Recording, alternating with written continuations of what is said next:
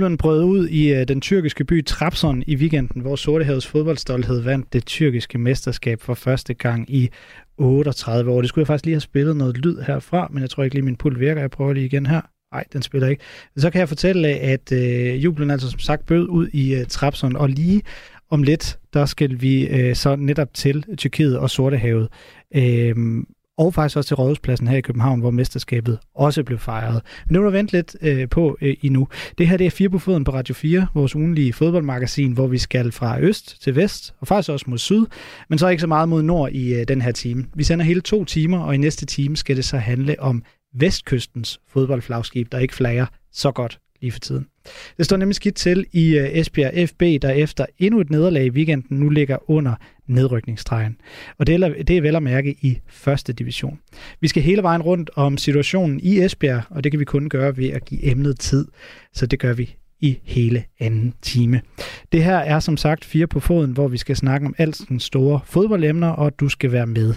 Du kan skrive ind til mig hele vejen frem til klokken 19. Skriv en sms til 1424, og du må meget gerne inkludere dit navn og hvor du kommer fra. Det var altså en sms afsted til 1424. Det her fire på foden på Radio 4. Vi snakker fodbold frem til klokken 19. Mit navn er Niklas Stein. Velkommen til. Og med mig her til aften har jeg også Gisle Thorsen. God aften, Gisle. God aften. I, øh, vi skal snakke lidt om øh, Tysklands største by. Måske ikke lige Tysklands største fodboldby, men det kan være, der bliver, der bliver lavet om på det i fremtiden. For i det, der altså er rent geografisk set, eller i hvert fald populistisk, øh, hvad hedder sådan noget, demografisk set, Tysklands største by, Berlin, der er der ved at ske et magtskifte på fodbolddelen. Det har jo længe været Hertha, BSC, det vi sådan i danskere sådan lidt ukorrekt kalder Hertha Berlin. Øh, de har siddet på tronen som byens ukronede fodboldkonge i et godt stykke tid. Men nu ser det så ud til at være netop et tronskifte på plads. Den lille storbyklub Union Berlin er på få år gået fra en 8. plads i anden Bundesligaen til at spille med om de adgangsgivende pladser til de store europæiske turneringer i toppen af Bundesligaen. Mens i den anden ende tabellen, der slås Hertha så for overlevelse i bunden af den bedste tyske række. Og det er så her, du kommer ind i billedet, Gisle Thorsen, som jeg også lige får introduceret ordentligt, journalist på Mediano. Hvad er det, der er sket med Union Berlin de sidste år, der gør, at de kan spille med i toppen af Bundesligaen? Ja, men det er jo det her eventyr, som de har i gang i, og nu, nu talte du om, at de havde været, eller var kom fra anden liga, men, men de har jo traditionelt set også ligget i den fjerde bedste række, de har ligget i den tredje bedste, altså det har aldrig nogensinde været en stor klub. Det var det heller ikke i tiden i DDR. Der var, jeg tror, de har en pokaltitel i DDR, men lå også i lange perioder i den næstbedste række i DDR. Så det var en populær klub, men det var aldrig en succesfuld klub. Så kom de efter nogle års tilløb endelig i Bundesligaen. Der er en svejsisk træner, der hedder Urs Fischer, der har, der har stået bag det. Og øhm, de kommer op, og de tænker, okay, jamen, Ah, jamen var, det, var det fedt, nu får vi en sæson i Bundesligaen, men jeg tror også, mange havde regnet med, at, at det blev den ene sæson, Union fik i Bundesligaen. Nu er de i Bundesligaen på tredje år, og de, øh, som du sagde, de kommer formentlig i Europa i næste sæson. De var i Europa i denne her sæson. Så det er jo et, et eventyr, hvor man tænker, jamen, hvor langt rækker det? Øh, og lige, lige nu, der, jamen, det er jo svært at se enden på det. Øh, selvom man siger, realistisk set, så er, er det jo nok ikke en klub, der kan, der kan regne med at blive i Bundesligaen nødvendigvis 10 år i træk. Vi har også dig med på en telefon, Markus Ingvartsen, tidligere spiller for Union Berlin. Velkommen til. Mange tak. Du spillede i øh, Union Berlin fra 2019 til 2021, øh, og nu spiller du selvfølgelig for Mainz, så du er faktisk, øh, Markus, den, der har spillet flest kampe for Union Berlin, hvis jeg lige, altså er dansker selvfølgelig, hvis jeg lige tæller det sammen. øhm, Markus, hvordan adskiller klubben sig fra det, du har oplevet, altså primært i udlandet Mainz og Genk, og så øh, herhjemme FC Nordsjælland. Hvordan øh, adskiller øh, øh, Union Berlin sig fra de klubber? Jamen, jeg kom jo til en, øh, ja, en klub, som øh, kom første gang i Bundesligaen nogensinde. Øh, mindre klub, øh, selvfølgelig, øh, som aldrig havde prøvet at spille på, på det niveau før. Øh, og der kunne man godt mærke i starten, der var, der var visse ting. Øh, den øh, omstilling fra anden, tredje, fjerde Bundesliga til, til første Bundesliga lige pludselig, at øh, det hele var lidt nyt, og det hele var, var nye rytmer og nye måder at gøre det på og sådan noget. Øh, men til gengæld også en klub, som, ja, som omstillede sig rimelig hurtigt og, og fik, fik hentet spillere øh, på, på, på første Bundesliga-niveau og så videre, og ja, har haft øh, tre fantastiske år, må man sige. Og så tilbage øh, til dig i studiet her, Gisle Thorsen. Union Berlin og Hertha BSC, de er jo længe kommet godt ud af det med hinanden, og der har været sådan en form for sympati mellem holdene egentlig, på grund af den her fælles historie med opdeling af byen selvfølgelig, øh, mm. øh, dengang der var, øh, hvad hedder det, øh, muren stod og så videre, og dermed også fodbolden.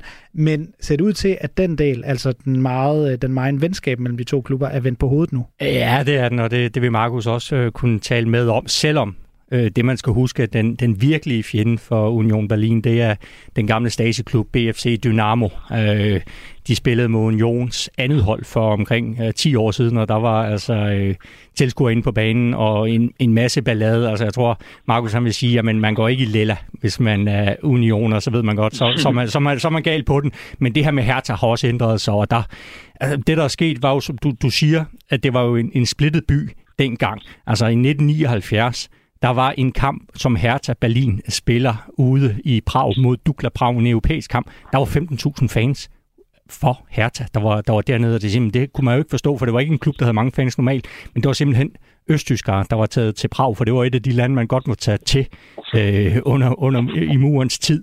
Altså, de støttede Hertha, så de var, det de sagde, de var freunden hinter den øh, stakkeldraht, altså øh, venner bag øh, stoltrådsmuren, øh, hegnet, som der var dengang. Så, så der var det her, i hvert fald, der var en samhørighed, men det har ændret sig inden for de seneste, ja især med øh, eneste 10, 12, 15 år, også fordi Union har haft en succes, så Union er jo blevet en, en reel konkurrent til Hertha, også gået forbi Hertha Øh, det var de jo ikke for 10 år siden. Altså, der var Union...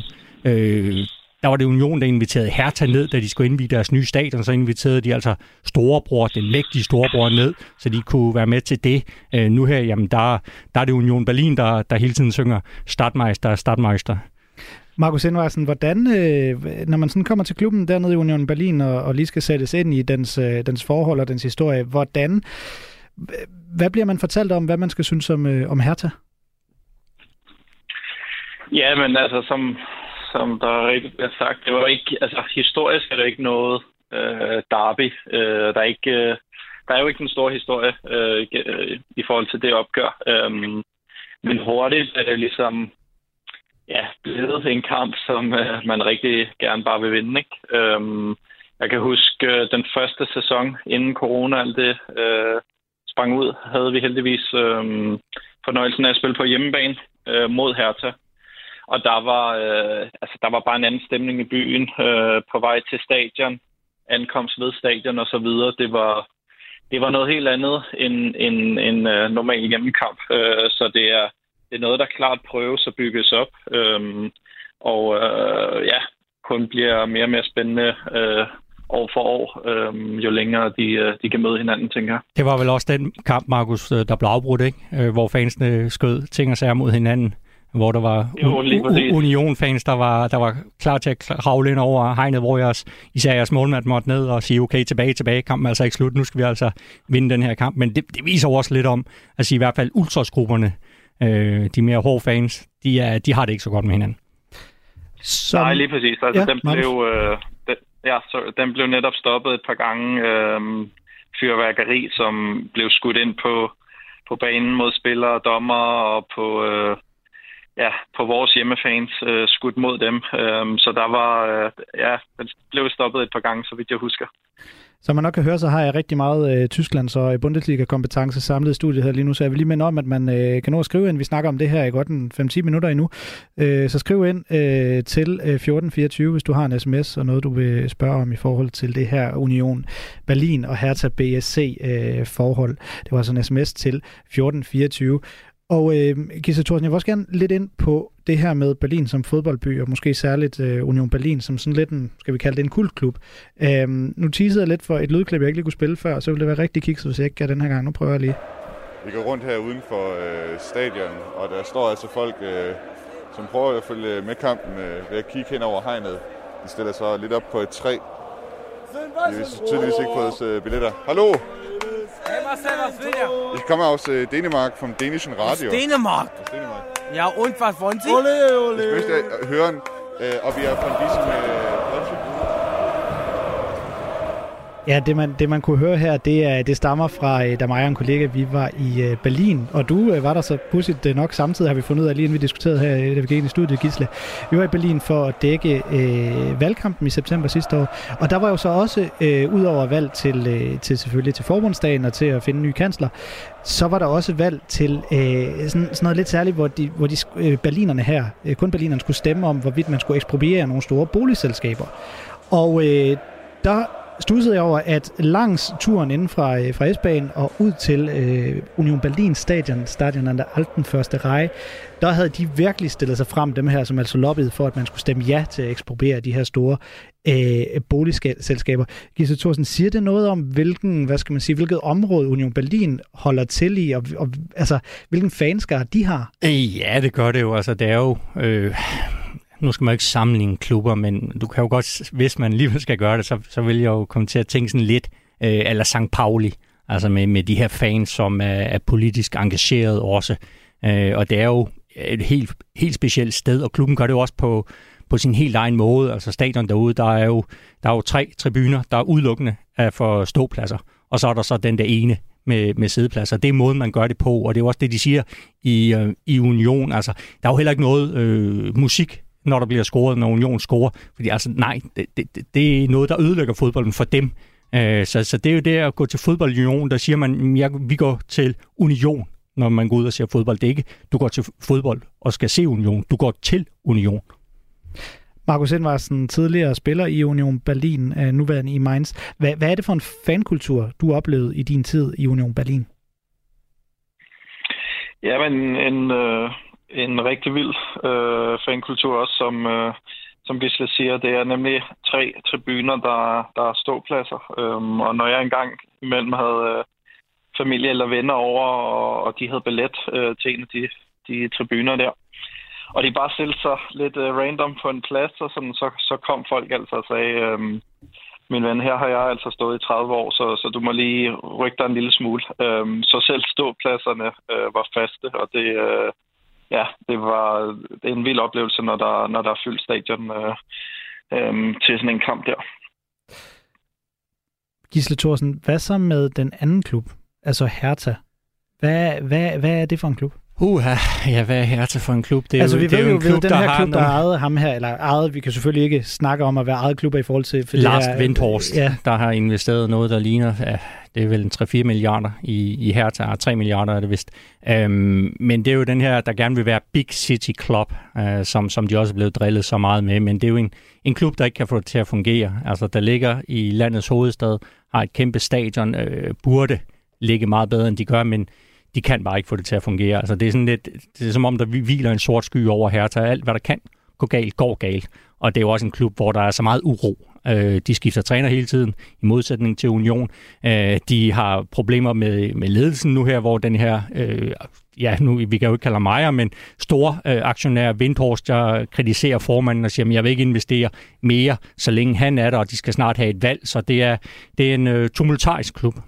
Ja, når vi væver lidt omkring det her med, at man kan kalde mig, altså selvfølgelig fordi øh, de fleste, der kender øh, Bundesliga-fodbold, tysk fodbold, vil jo kende til den her 50 plus 1-regel, men for ganske kort lige at forklare, hvad det er, så drejer det sig om, at man ikke kan øh, have aktiemajoriteten i en, i en tysk Så kan du sige, der, der er jo mere ro på i Union. De har jo også en, en, en stærk mand i, øh, i front i ham, der hedder øh, Singler.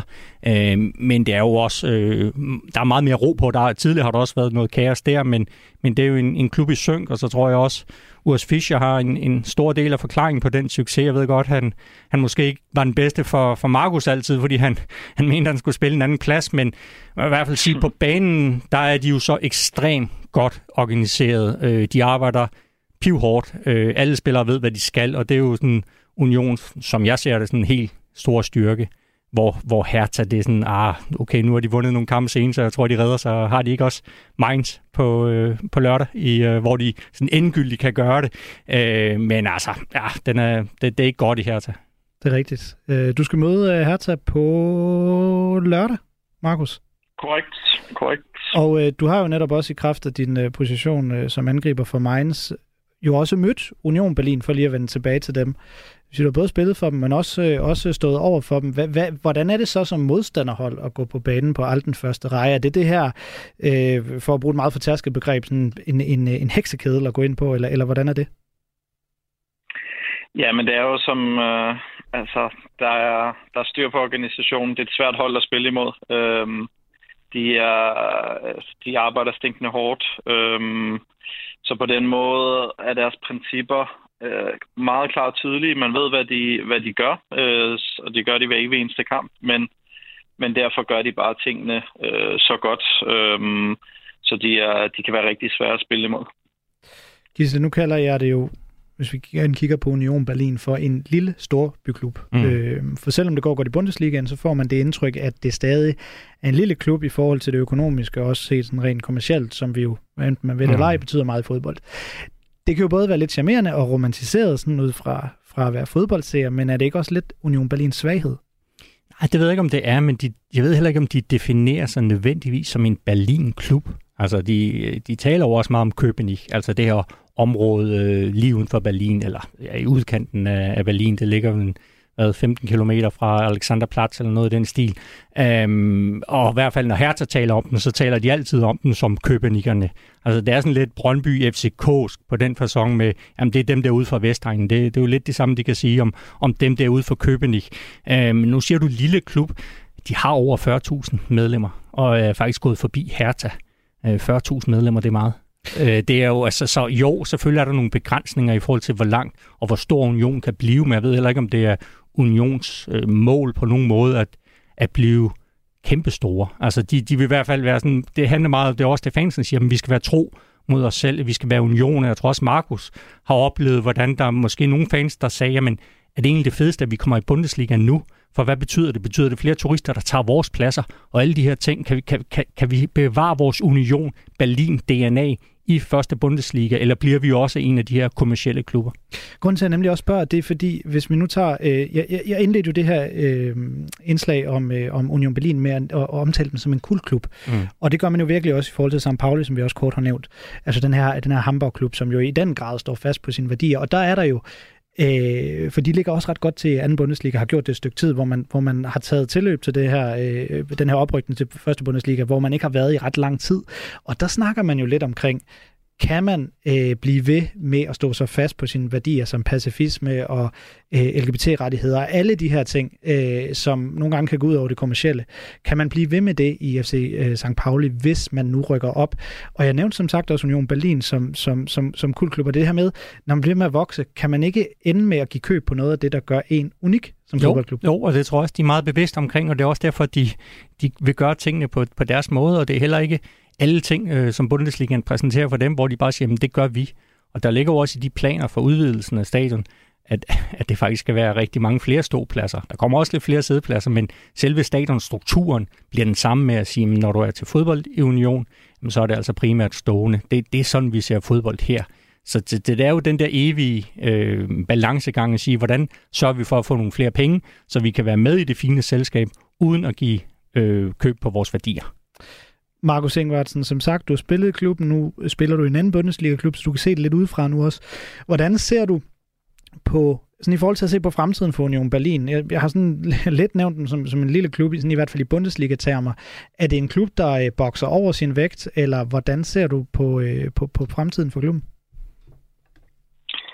Ja, men jeg må indrømme, jeg har, altså, jeg, jeg tør ikke øh, gætte på så meget mere, fordi at, øh, jeg, kan, jeg kan huske efter vores første sæson, og vi går ind i anden sæson, og der bliver snakket om, at puha, anden sæson er noget helt andet, og det bliver svært for Union. Øhm, går rigtig fint anden sæson også, og her til tredje sæson øh, mister nogle profiler, og bliver en hård sæson igen og sådan, men på en eller anden måde, så, så får de bare omstillet sig. Øh, de får øh, øh, ja, fyldt de pladser ud, øh, som, som er forsvundet, øh, og selvom min sæson bliver der hentet 12-13 spillere, tror jeg, i, i anden sæson noget eller det samme. Så selvom der har været stor udskiftning, så er den måde, det bliver gjort på Urs Fischer og trænerteamet, øhm, den måde, der ligesom får lagt idéerne ind i, i hovedet på spillerne, øhm, det er klart og tydeligt, og, og spillerne fanger det hurtigt. Øhm, og ja, det er kun gået, gået en vej øhm, alle sæsoner nu, så, så jeg må indrømme, at jeg tør, jeg tør ikke rigtigt at, at gætte på, hvor, hvor det skal gå hen af herfra, øhm, fordi det har, ja, det har som sagt været meget imponerende. Det er måske også mere en journalists øh, opgave at gætte lidt mere på det, så jeg vil skyde noget til dig. Jamen, jeg vil sige, så længe at de er i stand til at, at i hvert fald holde fast i US Fischer og holde fast i deres struktur og den måde at gøre det øh, på, øh, Oliver Runer, deres sportschef. Altså, der er jo nogle nøglepersoner i den organisation, men det er jo den der øvelse med at sige, hvordan bliver vi ved med at erstatte de bedste spillere, som forlader os. Fordi nu kan man sige, en spiller, øh, Grisha Prømel, som har været en, en nøglespiller for Union Berlin, han, han forsvinder transferfrit efter den her sæson. Øh, de mistede Max Kruse i vinter. Øh, så det er jo den der kunsten af at sige, hvordan kan vi blive ved med at præstere og få nye spillere ind, der gør det godt. Og øh, Jamen sådan også øh, ganske kort, jeg undskyld, vi, vi, vi står lige, og der kom lige nogle øh, kliklyde ind, det kunne jeg svære ud ved, jeg kan lytte, det er noget fejl med teknikken, øh, det er ikke ude hos jer. Øh, når jeg kom ganske lige kort fra det, øh, men, men Gisle Thorsen, lad os også lige hurtigt nå at vende øh, her til, nu handlede det selvfølgelig mest om øh, Union Berlin. Er du bekymret på Herthas fremtid? Ja, det, det, det vil jeg da være. Øh, det afhænger også meget af, hvad, hvad gør de sådan rent sportsligt? Altså får de endelig øh, den der sportslige ro, som klubben har brug for, øh, eller skifter, bliver de ved med at skifte træner og ender ud i noget markert igen i næste sæson, og så er der jo også de her indre øh, ting, som er altså den ballade, der er mellem storaktionæren og, og formanden og helt alt. Det, er jo, det, er jo, det vil Markus også kunne tale med om, hvor svært det er at præstere i et miljø, hvor der er så meget uro.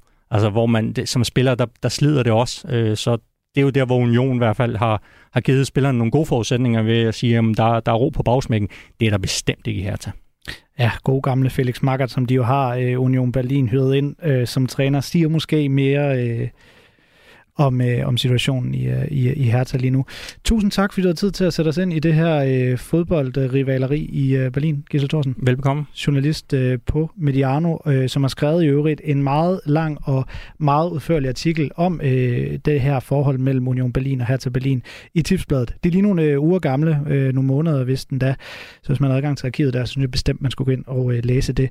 Også øh, mange tak, fordi du kunne være med, øh, Markus Ingvartsen.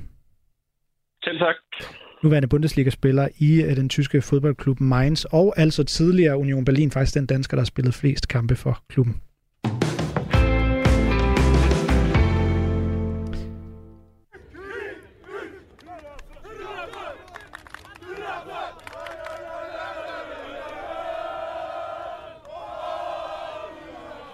Ja, de fleste kender Galatasaray og Fenerbahce. Måske også Besiktas, og har man været en rigtig fodboldnørd de seneste år, så har man også bemærket, at Istanbul Basaksehir forrige år brød Istanbul triopolet i tyrkisk fodbold. Man skal dog være en rigtig fodboldfejnsmækker for at kende Trabzonspor, og det er faktisk ærgerligt, for den nok så kendte fodboldfankultur i Tyrkiet, den lever i bedste velgående også i byen ved Sortehavet, altså Trabzon. Og i lørdags, der blev de så mestre for første gang i 38 år.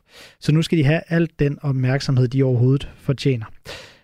Øh, med mig til at give den opmærksomhed har jeg nu Hussein Aften i Dørner. God aften, Hussein. God aften. Og Eid Mubarak. jo, tak. Det vi lige hørte øh, ganske kort øh, her før, det var jo lyden inden fra Rådhuspladsen her i København, hvor øh, du og andre Trapsonsborg-fans simpelthen øh, smuttede ind lørdag aften. Hvorfor gjorde I det? Ja, men det var jo fordi, vi ville øh, fejre mesterskabet, der kom efter så lang tid. Øh, så havde vi arrangeret noget for nogle dage siden øh, om at mødes på Rådhuspladsen, hvis det nu var, at vi blev mester.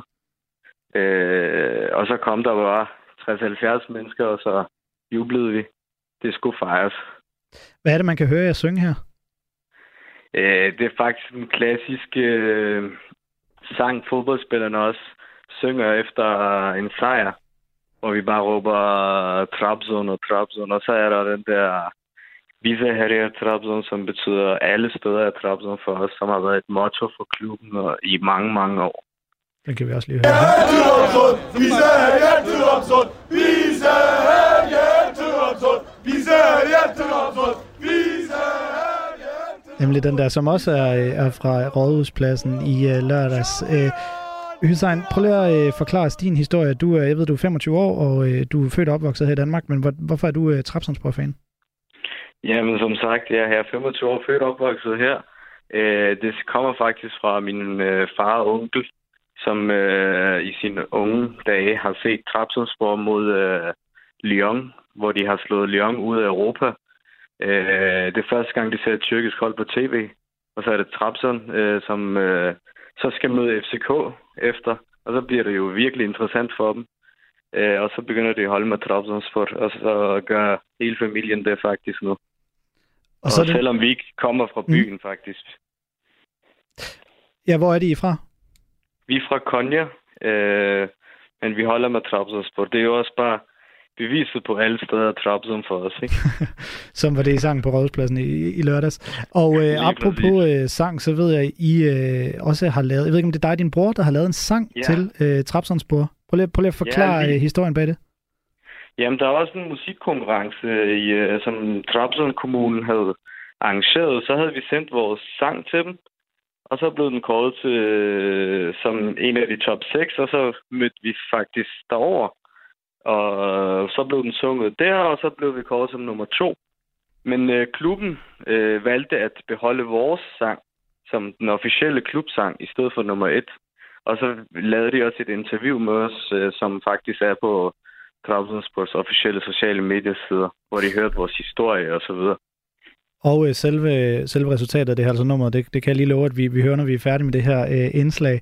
Men inden da, så vil ja. jeg også lige høre, øh, Hussein, du øh, har selvfølgelig også været i Trapson og se, se fodboldkampe. Ja. Jeg nævnte her i starten, at de fleste jo kender Galatasaray og Fenerbahce, nok også Besiktas.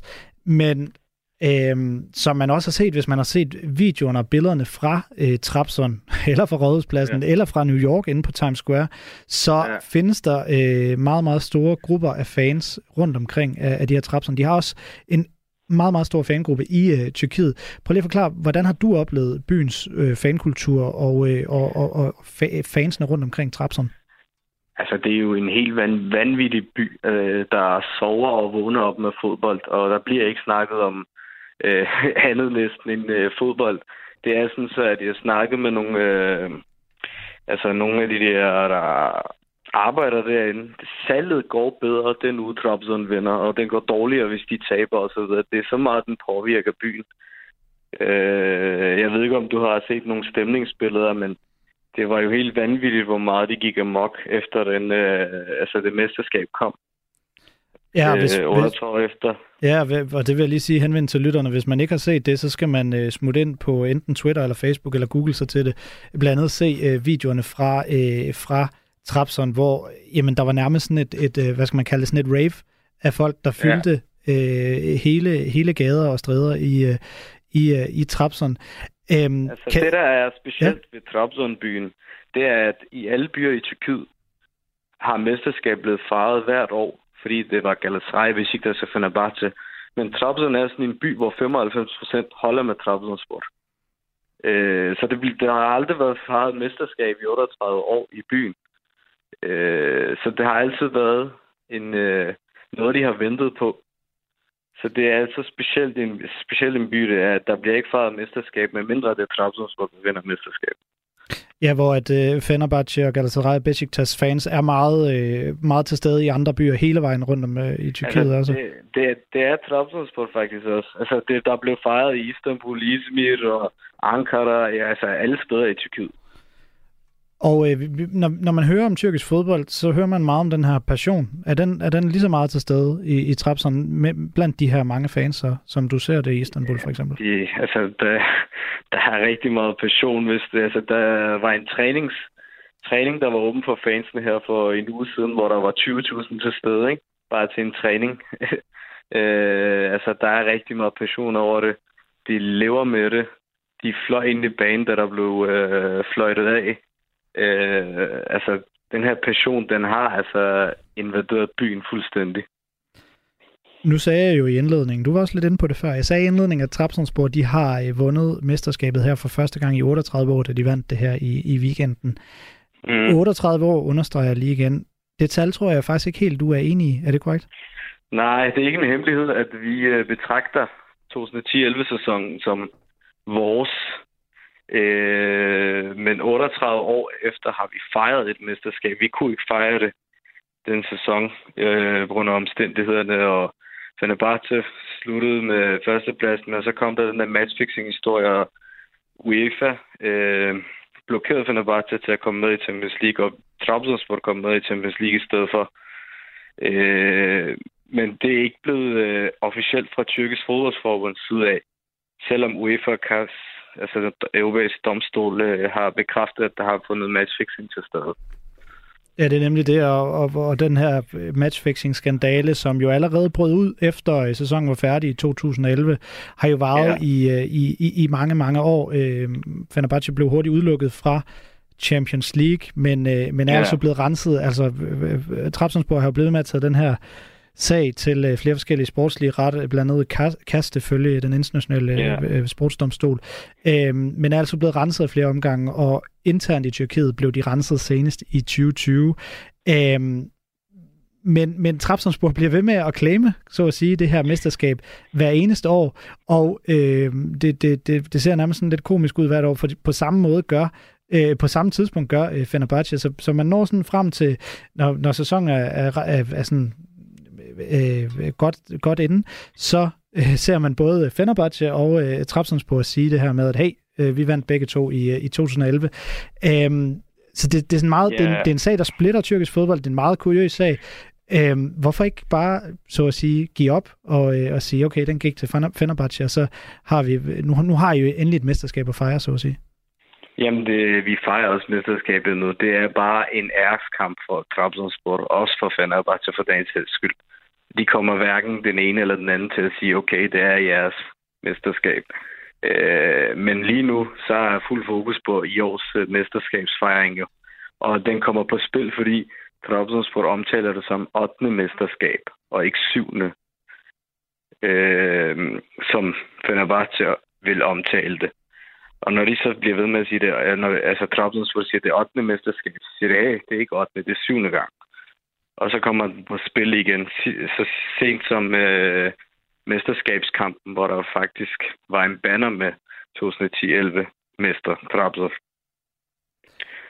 Men altså, den, øh, den, er, den sæson er ikke noget, vi vil fokusere på lige nu. Vi øh, har i år, som vi fejrer fuldt ud. Og den er i hvert fald øh, med, med 100% sikkerhed øh, Trapsonspors øh, mesterskab, også selvom sæsonen jo faktisk ikke, egentlig, egentlig ikke er færdig. Så sikkert er, er, er det mesterskab.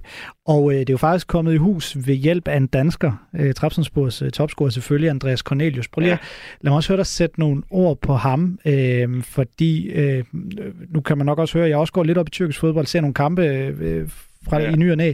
Og når jeg ser det, så, så slår det mig, hvor elsket Andreas Cornelius er øh, nede, nede i Trapsen lige nu. Hvordan oplever du det? Du må se endnu flere kampe, end jeg gør. Jamen, jeg, har, jeg har set alle Trapsons kampe i år og forrige år, eller hvad det nu er. Ikke? Øh, Cornelius han er en mand, der bliver elsket i byen lige nu. Øh, og vi Trabzonspors fans i Danmark øh, elsker jo ham meget mere, fordi vi har sådan en medfølelse med, han kommer fra det land, vi bor i, og han er dansker, så, og han spiller for vores klub, så bliver vi bare endnu mere stolt, fordi han præsterer så godt, ikke? Og han har jo klaret det vanvittigt godt med 15 scoringer og en øh, del topscorerplads. Øh, faktisk uden et eneste straffesparksmål, som de andre har flere af. Og hvis du lægger mærke til det, så har Cornelius altid scoret i de vigtigste kampe, så sent som i forgårs. Han har skåret mod Galatasaray, han har skåret mod Besiktas i sidste minut. Han har skåret de, altså de, han har ikke skåret de mål, hvor vi var foran 2-0, og så gjorde det til 3-0, men han har altid været det afgørende, den afgørende mand øh, under kampene, og vores spillestil passer så utrolig godt til Cornelius, fordi Trabzonspor altid har boldbesiddelse og har bolden under kontrol og fører op mod banen, som Cornelius elsker jo, som han også omtalte her for et par måneder siden, så ja. Og han skårede jo faktisk også øh, i lørdags i kampen mod ja. Antalyaspor, hvor øh, Trabzonspor jo allerede vidste inden kampen, de skulle bruge et point, og så var det her første mesterskab i 38, hvor altså sikrede og Cornelius han scorede til 1-0. Så, øh, ja. så vidt jeg husker kampen udlignede Antalyaspor, og så fik de faktisk også et straffespark efterfølgende. Ja. Øh, Antalyaspor, ja. hvor de kunne bringe sig foran. Øh, hvor, hvor ja. meget op i halsen øh, var, var, var øh, dit hjerte på det tidspunkt? Hold, vi var nervøse. Vi var utrolig nervøse. Øh og da, da de fik det der straffespark, fordi det altså 2-1, og så ville de gå i fuldstændig panik. Øh, men selvfølgelig vores øh, elskede målmand, som har været en held for os hele sæsonen, Urjan, øh, redde straffesparket, og så kom vi foran 2-1. Øh, men den blev så også 2-2, hvor vi også havde lidt... Øh, vi fik, vi fik noget galt på halsen de sidste 10 minutter i hvert fald. Og så så man jo øh, faktisk ja. endda, at, øh, at, at der var nogle fans, der, øh, der var fem minutter lagt til, der stod 2-2, det vil sige, Trapsen var meget, meget tæt på at sikre det her mesterskab. Og så ja. lignede det, som jeg så det, at dommeren ville fløjte af, øh, men det gjorde han ikke, og øh, der var så nogle fans, der løb ind, og der kom faktisk en hel baneinvasion, mens kampen øh, stadig var i gang.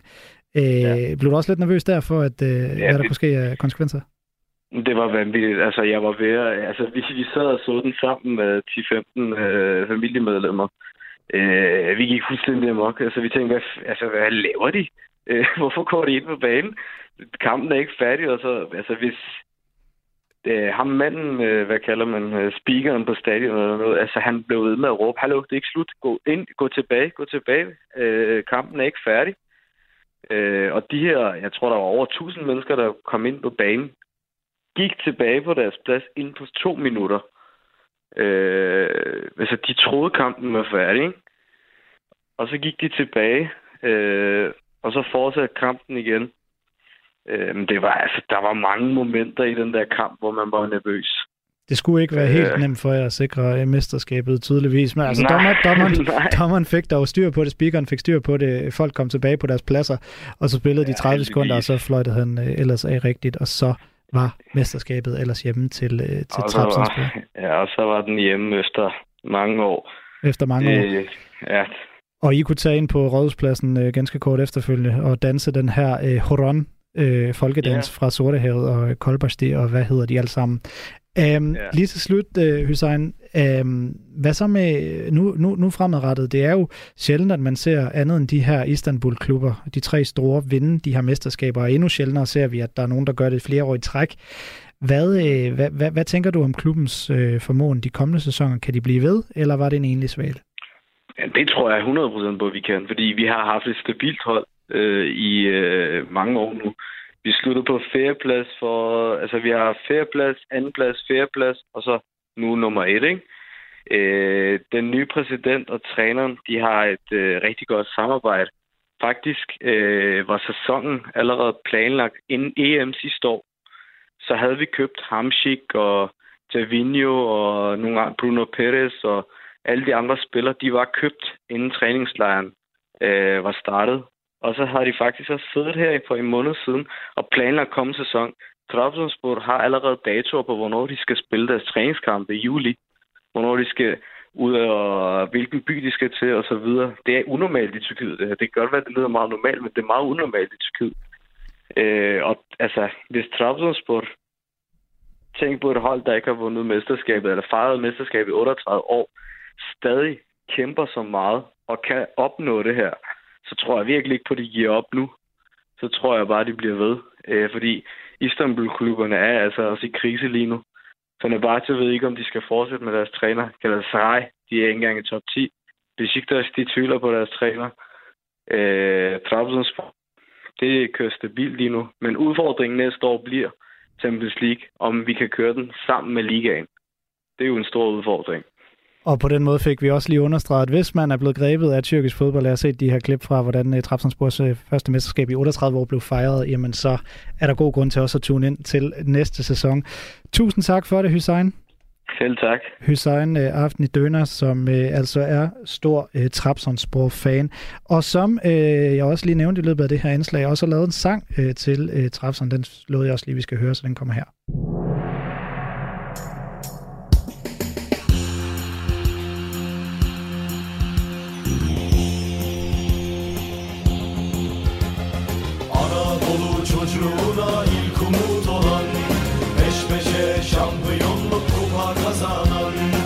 Rakiplerin korku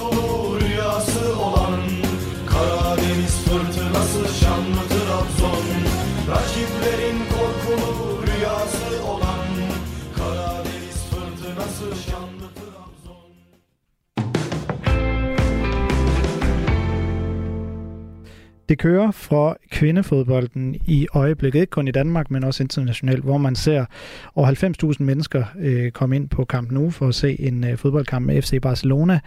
Og også øh, herhjemme bliver der taget øh, store skridt for at fremme kvindefodbolden.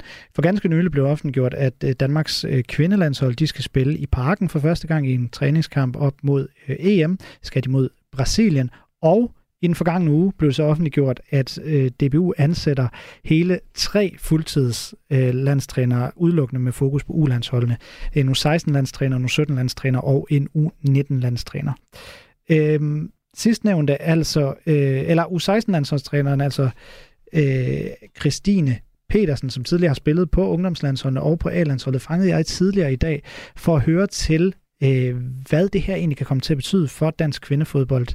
Og så spurg, starter jeg med at spørge hende, om det egentlig var på tide, at vi nu også fik en fuldtidsansat U16 pigelandstræner. Jeg synes det i hvert fald, det er en glædelig nyhed, at øh, vi kan gøre det på den her måde nu. Øhm, der har været nogle rigtig dygtige folk, der har arbejdet med det tidligere, øh, men det er jo det er jo bare et bevis på, at øh, vi rykker os inden for pigefodbolden herhjemme, at vi nu kan fuldtidsansætte. Så det er, det er, det er rigtig fedt. Hvad betyder det for, øh, for dansk øh, kvindefodbold lige specifikt med, at vi nu du er jo en af tre øh, nye fuldtidsansatte trænere på øh, U-landsholdsdelen. Du så for de yngste U16-pigerne. Øh, Hvad betyder det for, øh, for dansk kvindefodbold? Jamen, det betyder meget. Det synes jeg, det gør. Altså, før i tiden har man jo som, som ungdomslandstræner haft nogle andre opgaver øh, også, og nu kan vi ligesom fokusere på det at udvikle vores U16-spillere, når de kommer op til os, øh, hvis det nu er en midtlandshold, vi snakker om. Øh, Øh, så, så det gør jo en helt anden fokus, at der nu er flere folk omkring, og at vi som fuldtidsansatte kun har den opgave øh, at skulle forholde os til. Så det tror jeg helt klart er noget, der kan, der kan være med til at udvikle os meget. Du kommer jo ikke helt grøn ind i det her job. Du har været både assistenttræner og vikarierende landstræner øh, på flere øh, U-niveauer øh, på kvindesiden øh, på det seneste. Øh, nu, nu er det så bare på fuld tid, at du skal lave det. Så du, du har et, hvad kan man sige, du må have et, øh, et blik ud over den talentmasse, du nu skal have fingrene endnu mere øh, ned i. Hvor, hvor, hvordan ser du på det? Hvor godt kørende er Danmark på, øh, på talentsiden, hvis vi sådan kigger på specifikt dem, der er under 16 år? Øh, altså, jeg synes, vi er, vi er godt kørende, men jeg synes også, at øh, de tiltag, som DBU viser, de går ind i nu, øh, med at, øh, at have mere fokus på både 14 og 15, men også ved at fuldtidsansætte os landstræner, at det viser, at vi har også, vi kan sagtens rykke os på de parametre også, og det skal vi også gøre. Så øh, det, det der er gang i lige nu, kommer til at påvirke øh, ungdomsfodbolden fremadrettet, det er slet ikke i tvivl om. Så vi er gået fra, at vi står øh, et godt sted, men vi, skal, vi kan sagtens udvikle os, og det skal vi, hvis vi vil op og matche de allerbedste lande, kan man sige. Hvad er det mere, at det kommer talenterne til gavn, at du nu går fra at være skal vi sige, deltidsansat til fuldtidsansat?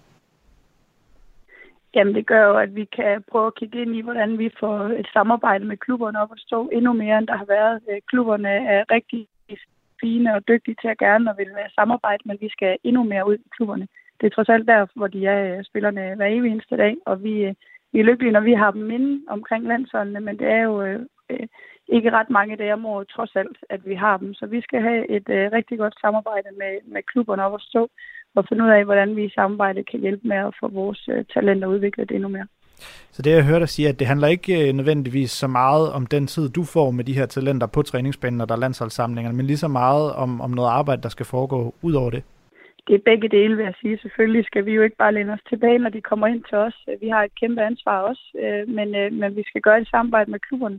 Men når de kommer ind til os, så øh, kan man sige, at vi har jo opjusteret helt vildt meget i staten omkring ungdomslandsholdene. Øh, og det, det skal jo være med til, at når de ender hos os, så er der også bare fuld fokus på opgaven og de landskampe, der er, når vi er samlet, og vi får det allermeste ud af hver evig eneste træning at vi får, øh, vi får lavet nogle dygtige landsholdsspillere, der kan begå sig øh, på et højt niveau. Og det har vi selvfølgelig også en, øh, en opgave for, når de er inde hos os, kan man sige. Du er selv tidligere A-landsholdsspiller. Du har også været igennem stort set alle U-landshold som øh, spiller, da du var talent. Så du har noget at sammenligne med, kan man sige. Hvad er anderledes fra den gang, øh, du selv spillede på U-landsholdene, og så til det setup, de nuværende talenter altså bliver mødt af med blandt andet dig som fuldtidsansat træner?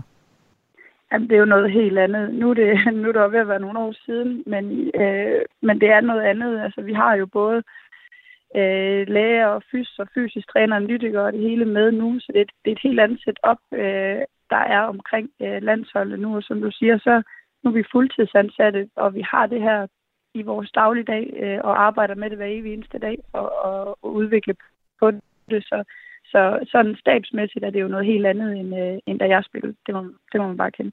Hvordan bliver din egen hverdag ændret nu, når det her sker? Altså, jeg har, øh, jeg har heldigvis haft en arbejdsplads øh, tidligere, som har været ekstremt øh, medgørlig i forhold til at lade mig tage afsted, når jeg har skulle afsted med U19-landsholdet senest. Øh, og øh, det, der er den væsentlige forskel nu, er jo, at, at jeg kan arbejde med det her hver dag. Øh, og at jeg, øh, jeg har et job, jeg skal fokusere på nu. Nu har jeg ikke U19 ved siden af, og et U15-center ved siden af et fuldtidsarbejde, men at jeg kan dedikere al min tid til, til én ting, det glæder jeg mig selvfølgelig rigtig meget til. Og det er udover Christine Petersen, som altså er ny fuldtidsansat U16-landstræner, så er det Claus Struk, der er blevet U17 pigelandstræner, og øh, til sidst Anja Heiner Møller, der er for U19. Nu skal vi så til Spanien, for den er helt galt med forholdet mellem formanden for det spanske fodboldforbund og Barcelona-spilleren Gerard Piqué. Det er nemlig ikke, fordi de to er uvenner, de har et nært forhold, øh, og et måske et lige lidt mere nært forhold, man lige skulle gå og tro, eller i hvert fald synes. Først kom det således frem, at Gerard Piquet og hans selskab, der hedder Cosmos, havde haft en stor andel i den forhandling, som endte med at sælge den spanske Supercup til Saudi-Arabien i 2019. Det er jo sådan, at den spanske Supercup mellem vinderen af ligaen og pokalturneringen, de øh, i et stykke tid har spillet øh, den store finale i netop Saudi-Arabien. Piquet han har haft så stor andel i handlen, at hans selskab får 10% af den samlede kontraktsum for hver af de seks finaler, som altså endte med at blive solgt. Det er kontrakter af 40 millioner euro stykket, så altså 4 millioner per finale. Og nu kan mediet, det spanske medie El Confidencial, der også stod bag de første afsløringer, fortælle øh, lidt om, hvad det er, øh, det her lidt for nære, i hvert fald det kritikken går på, forhold mellem Gerard Piqué og øh, Luis Rubiales, øh, øh, præsidenten for det spanske fodboldforbund, det egentlig går ud på. Og netop det skal jeg nu snakke om sammen med Nikolaj Lisberg. Velkommen til. God aften. God aften. Journalist med bopæl i netop Barcelona og forfatter til bogen Barcelonismo om, ja, FC Barcelona. Først og fremmest lad lige prøve at få, øh, på, øh, få slået, på, slået fast, Nicolai Isberg, hvad de her øh, meget omtalte øh, afsløringer, som El, El Confidencial de er kommet med, hvad går de helt præcis ud på? Jamen, som du er lidt inde på, så er det jo sådan en masse audiofiler, som er blevet øh, lækket samtaler, private samtaler mellem øh, Rubiales, som er formand for det, øh, det spanske fodboldforbund, og så Gerard Piqué, som netop i sin kraft, øh, øh, som det øh, ejer af det her kommunikationsvirksomhed Cosmos, har været med til at hjælpe med at få den spanske Supercup øh, til Saudi-Arabien. Og det der jo så er, det er jo, at det faktisk er en historie, der har kørt siden 2019, allerede dengang der var det fremme, at det var Cosmos og Big, der var inde over øh, salget af Superkoppen til, til Saudi-Arabien. Men nu og her, jamen, så er der jo så kommet et, et decideret beløb på, altså de her 24 millioner euro over 6 år. Og der er så kommet en masse andre oplysninger frem, i blandt andet at Piquet, som en slags tak for det her, skulle have ønsket at komme med til OL i, øh, i sommer, og skulle have ønsket at få en, en trup i, øh, i øh, den spanske, eller en plads i den spanske OL-trup. Så det er simpelthen en masse studehandler, der er blevet lækket til pressen her i løbet af den seneste uge til halvanden. Ja, det er så kommet i små bidder, øh, kan jeg forstå. Så den ene afsløring, det har været den her med øh, Supercoppen, som jeg redde for til at starte med, og så har der været det her med OL øh, og så videre, og det er blevet øh, det er så blevet afsløret via de her øh, lækkede øh, telefonopkald. Er det korrekt forstået? Ja, det er korrekt forstået. Altså man kan sige, de har jo selvfølgelig haft øh, uh, Confidential en, en plan for, hvordan man skulle udgive det her. Øh, der har også været de lækkede øh, audiofiler mellem Piqué og Sergio Ramos, som Piqué så har sendt til Rubiales, som gik ud på, at Piqué ønskede at få afsat formanden for det spanske spillerforbund, Øh, fordi at han ligesom var en, en sten i skoen i forhold til at få øh, Superkoppen til øh, Saudi-Arabien. David Aganso hedder han. Øh, så der, der har været en masse små historier, og de er sådan kommet drøbvis, når den ene historie ligesom har været ved at, at være faldende, jamen så er der så kommet en, en ny historie. Og spørgsmålet er jo selvfølgelig, om, om, vi har set det, om vi har set det sidste, eller der kommer flere afsløringer i, i løbet af de kommende dage. Ja, det var mit næste spørgsmål. Tror, tror du, der er øh, mere i kanonen fra, øh, fra det her spanske medie? Altså, det er i hvert fald klart, at hvis de har ligefrem fået adgang til stort set alle de, de audiofiler, der ligger på en, en Rubiales telefon, øh, så tror jeg, at der, at der er rigtig, rigtig mange øh, samtaler, som kunne denne historie, så det er ikke sikkert, det er det sidste, vi har set. Og, og den her, hele den her affære med, at, at Piquet har været involveret i salget af, af Superkoppen til, øh, til Saudi-Arabien, og ligesom har skulle forsøge at få noget ud af det, har jo skabt en kæmpe øh, interessekonflikt, og, og dem, der sådan, bruger det værste ord, de kalder det ligefrem korruption, at man øh, er gået ind på den måde og lavet et samarbejde. Så det, det er klart, det er ikke noget, vi har ikke set det sidste til det, men spørgsmålet er, hvor mange nye historier, der, der kan komme frem. Er sagen her stor nok til, at den kan betyde, at der ligefrem kan rulle hoveder i, øh, i forbundet? Altså, det virker til, at de trods alt har været så intelligente og sikrer sig sådan rent lovteknisk. Det vil sige, at Kosmos er ikke på noget tidspunkt blevet lønnet direkte af det spanske fodboldforbund, og dermed kan man jo så rent legalt sige, at der ikke er en interesse i en konflikt. De har fået pengene af et øh, saudiarabisk firma, som så har ageret sådan mellemmand, stråmand, eller hvad man nu kalder det i, i, øh, i fagtermer, i forhold til at, at formidle kontakten. Øh, så på den måde er der måske ikke grund for, at der skal, øh, at der skal rulle nogle, øh, nogle hoveder. Men som jeg også har set i de spanske medier, som flere eksperter i forhold til den her form for jura har været inde på, jamen så er alle røde flag hejst, alle øh, advarselsalarmer, jamen de blinker kraftigt i det øjeblik, at Piqué som fodboldspiller i en spansk klub går ind og samarbejder med, med formanden for den, det spanske fodboldforbund om at flytte en Supercup til, øh, til, hvad hedder det, til Saudi-Arabien. Der er simpelthen så mange advarselsblinker, eller advarselslamper, der, der blinker, men det virker ikke til lige nu og her, at det kommer til at have nogen øh, øh, konsekvens i forhold til, at eksempelvis en, en Rubiales må trække sig. Jeg må også sige, at, at sagt for egen regning, så virker det her jo, når man skræller det helt ned øh, og ser, hvad det er, de har øh, forhandlet om, altså en supercupfinale mellem en spansk øh, fodboldformand og øh, Gerard Piquet, som altså spiller for en af de klubber, som man kunne forestille sig kom i, øh, i de her øh, Supercups. Altså det virker som en voldsom, nu kalder du det, øh, interessekonflikt, og det tror jeg da også i hvert fald, man kan kalde det. Men hvor meget har den her snak overhovedet sådan fyldt i, i Spanien? Jamen det er klart, at lige da den, den rammer øh, medierne her for ja, efterhånden halvanden to uger siden, der er det en kæmpe historie i, i alle medier. Øh, siden er den så øh, Øh, har den så levet sit eget liv, skal vi kalde det, i de mere seriøse øh, medier. Der er, jo, der er jo sådan de fire store sportsaviser hernede, Marca, As, Mundo og, øh, øh, og Sport. Jamen, de har ikke sådan rigtig taget historien videre. Altså, der, der er det blevet en hverdag igen. Der er det handlet lidt mere om, om det, der sker inde på, på selve banen. Men nogle af de største, La Vanguardia, El País og selvfølgelig Confidential, som har, har kørt historien, jamen, de kører stadigvæk videre for, for ufortrøden kraft. Men jeg tror også, at man skal jo forstå Spanien som, som land og som fodboldland, for at forstå, hvorfor sådan en historie, som, som virker helt vanvittig set eller hørt med, med danske ører, hvorfor den måske er på vej til at dø lidt ud. Og det er jo simpelthen fordi, man, man groft sagt er vant til, at der sker et eller andet. Altså det her med interessekonflikter og korruption og studehandler osv. videre, er jo ikke nogen ny ting i, i spansk øh, fodbold. Så, så det, at Gerard Piqué har været med til at, at hjælpe en, en spansk øh, fodboldfor, øh, en fodboldformand for et fodboldforbund og bedt om noget i, til gengæld, jamen det skaber åbenbart ikke så store ringe i vandet, som det formentlig vil gøre andre steder. Det slår mig også, at, at den her sag lidt vidner om, at, at de to store kommersielle klubber, øh, altså giganterne Barcelona og Real Madrid i Spanien, det virker som om, de har meget at skulle have sagt i forhold til både forbundet og øh, La Liga. Hvorfor er det stadig sådan, hvis det der er sådan? Ja, men det er stadigvæk sådan. Altså, det, det har det jo været i mange, mange år, fordi det er trækplasteret i øh, spansk fodbold i forhold til at tiltrække store øh, tv-interessenter øh, for, i forhold til at sælge tv-rettigheder. Man kan jo bare se, det er blevet bedre de senere år, men hvis man kigger på den måde, en, en tv-aftale har været skruet sammen på, jamen, så svarer det jo lidt til, når man går ned og, og fodrer, og fodrer, hvad hedder det, fodrer ender med, med brød, så kommer der to store svaner, og de spiser simpelthen alt brødet, og så de der resterende krummer, jamen det kan de andre 18 øh, La Liga-hold så få lov til at, at kæmpe om. Og sådan er det stadigvæk. Øh, Real Madrid og Barcelona har en øh, enorm magt, og så er den her, øh, hele den her affære jo også et udtryk for, at der foregår en kæmpe positioneringskamp i det spanske fodboldforbund, men også i det spanske ligaforbund. Øh, det her med, at man gerne vil ud til andre markeder, om det så er Saudi-Arabien, eller når man gerne ønsker at spille ligakampe i, øh, i USA.